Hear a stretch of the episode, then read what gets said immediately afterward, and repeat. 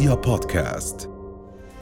موجز الأخبار من رؤيا بودكاست. موجز الأخبار أهلا وسهلا بكم اندلعت فجر اليوم. مواجهات بين فلسطينيين وقوات الاحتلال في مخيم عقبة جبر بأريحة أسفرت عن إصابة ثلاثة شبان واعتقال ستة آخرين بحسب ما أفاد مراسل رؤيا وأصيب العشرات بالاختناق جراء قنابل الغاز خلال التصدي لقوات الاحتلال الإسرائيلي التي منعت طواقم الإسعاف من الوصول إلى الإصابات. أدان البرلمان العربي واستنكر بشدة تعرض مبنى السفارة الأردنية في الخرطوم للاقتحام والتخريب.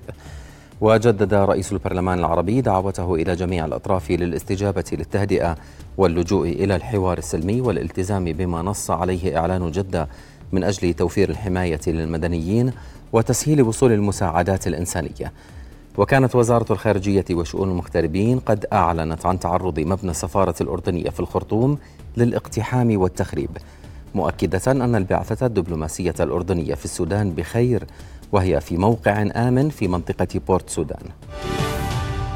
أطلقت دائرة الجمارك الأردنية حملتها الموسمية لمكافحة البضائع المقلدة والمزورة بمناسبة قرب حلول عيد الأضحى المبارك ووجهت الدائرة كوادرها لتجديد الرقابة على البضائع المستهدفة بمناسبة عيد الأضحى في حال توفر دلائل ظاهرية عليها بالتعدي على حقوق الملكية الفكرية للعلامات التجارية في المراكز الحدودية.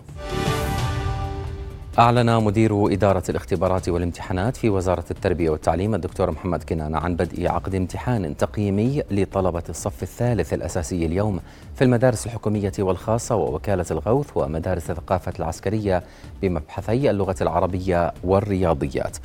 ويخضع للامتحان 178 ألف طالب وطالبة لمدة 60 دقيقة حيث ستكون فقرات الامتحان اختيارا من متعدد ويهدف الامتحان بحسب كنانة لاتخاذ إجراءات مبكرة وفورية بحال وجود ضعف عند الطلبة. حذرت النقابة العامة لأصحاب محلات التجارة وصياغة الحلي والمجوهرات من التخفيضات والعروض التي تعلنها بعض المحلات. وقالت النقابة في تحذيرها للمشترين إن على كل شخص أن يتأكد من التفاصيل قبل شراء الذهب على حساب العروض.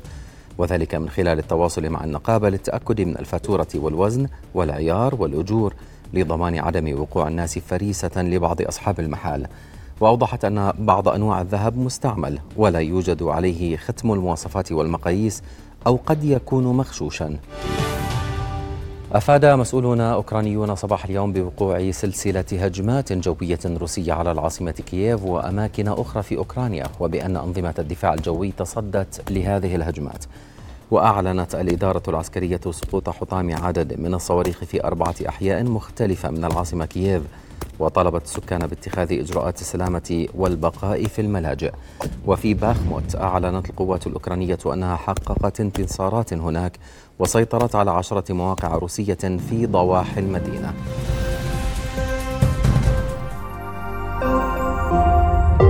رؤيا بودكاست.